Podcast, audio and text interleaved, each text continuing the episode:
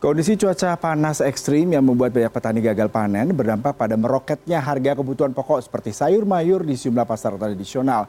Naiknya harga cabai menjadi salah satu bahan utama masakan dikeluhkan pedagang dan kondisi ini membuat daya beli masyarakat turun. Saya akan menjelaskan sebenarnya seperti apa dan kenapa harga cabai terus naik. Nah kalau bicara mengenai cabai yang menarik adalah sebenarnya kita bicara mengenai dari mana cabai cabai ini berdasarkan dari riset saya dari beberapa negara lain yaitu dari Peru gini ya Peru kemudian juga negara-negara misalkan Peru nih ya Peru kemudian juga Meksiko dan beberapa negara Latin. Ini datang ke Indonesia di abad ke-16 terutama di Asia Tenggara. Nah, kalau bicara mengenai cabai sendiri sebenarnya itu bukan bukan tanaman asli Indonesia seperti saya katakan tadi.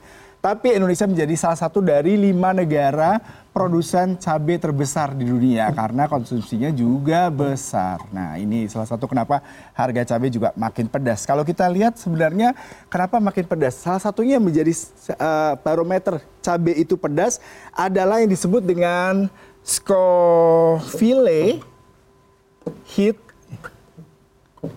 unit. Ah, saya juga baru tahu nih ya, saya baru riset-riset atau biasa dikenal SAU, bukan simpanan hasil usaha. Tapi ini adalah Scoville Heat Unit ini merupakan salah satu barometer tingkat kepedasan cabai. Berdasarkan data yang saya dapatkan dari eh, FAO, ini data yang paling pedas adalah cabai rawit. Cabai rawit ini tingkat SAU-nya ini berkisar antara 100 ribu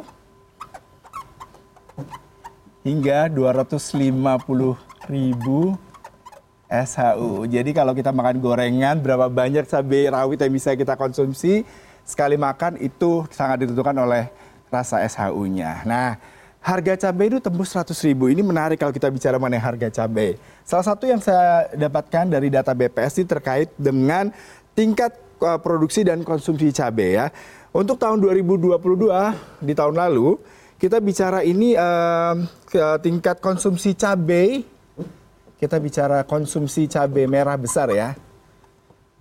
Ini mencapai 600 ribu, 630 ribu 56 ton. Ini 630 ribu, 56 ton. Jumlahnya banyak sekali ya konsumsi cabai Indonesia. Kemudian yang kedua kalau kita bicara mengenai cabai rawit. Nah ini cabai rawit nih berapa konsumsinya di tahun 2022 lalu ya.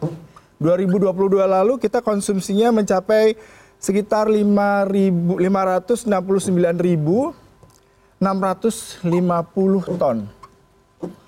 Ini jumlah ini naik 7,86 persen dari tahun 2021.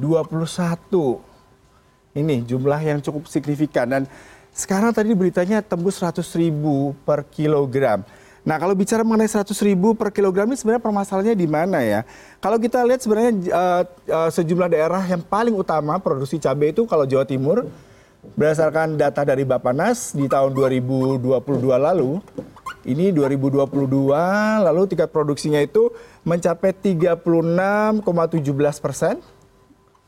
Kemudian produksi Jawa Tengah, Jateng, ini produksi cabenya itu mencapai 14,54 persen. Lalu yang terakhir adalah Jawa Barat. Jabar, ini produksi cabainya di seluruh Indonesia itu menyumbang 13,7 persen. Nah, ini jumlah Jawa Timur seperti ini. Lalu kenapa harganya semakin naik ya? Berarti kalau kita lihat kita adalah salah satu negara penghasil cabai terbesar di dunia atau terbanyak di dunia. Nah, langkah-langkahnya seperti apa? Kalau kita lihat ini harga cabai sebenarnya pemerintah melalui Bapanas di tahun 2022 lalu, ini Badan Pangan Nasional, ini sudah menerbitkan peraturan pemerintah melalui Bapanas itu nomor 11 di tahun 2022. Ini terkait dengan harga acuan beli produsen dan harga acuan uh, jual konsumen. Ini harga acuan ini. Berapa sebenarnya harga daripada cabai? Kalau kita lihat dari harga acuan ditetapkan oleh Bapak Nas sendiri ini harga cabai merah keriting. Ini cabai merah keriting ya. Merah keriting ini jum, harganya itu tidak sampai 100 ribu harusnya. Di sini tuh dijual harga di produsennya, produsen 22 ribu, 22 ribu hingga 29 ribu rupiah ya per kilogram. Kemudian di konsumen, konsumen ini harganya 37 hingga 55 ribu.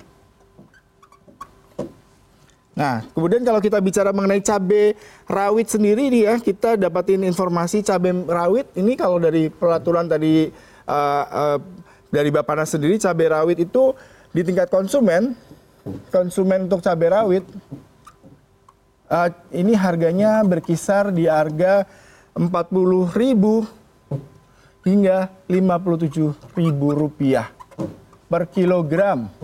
Sementara untuk tiap produsen itu di harga 25 hingga 31.500 ribu rupiah.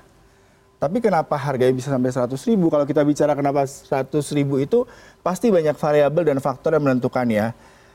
Seperti misalnya kita bicara mengenai iklim tadi ya cuaca ini faktor penentu karena cuaca El Nino kemudian juga eh, kemarin sempat uh, ada banjir kemudian juga masalah distribusi ini masih menjadi salah satu hal yang selalu menjadi pertanyaan karena cabai itu dikonsumsi seluruh Indonesia. Jadi bayangkan dari Jawa Timur dikirim ke Papua, dari dari Jawa Barat dikirim ke Maluku, pasti ada biaya untuk transportasinya dan ini merupakan salah satu yang harus dibenahi pemerintah. Lalu yang menarik lainnya adalah bagaimana pemerintah juga bisa melakukan kerjasama dengan memberikan kalau kita bicara mengenai pemetaan ya, pemetaan. Bagaimana sih sebenarnya pemetaan yang tepat? Karena kalau kita tadi lihat jumlah produksinya yang ada di Jawa Timur, apakah di Jawa Timur ini uh, masih merupakan salah satu sentra? Kemudian apakah tidak bisa dikembangkan di luar Pulau Jawa misalkan? Kalau saya baca juga tadi ada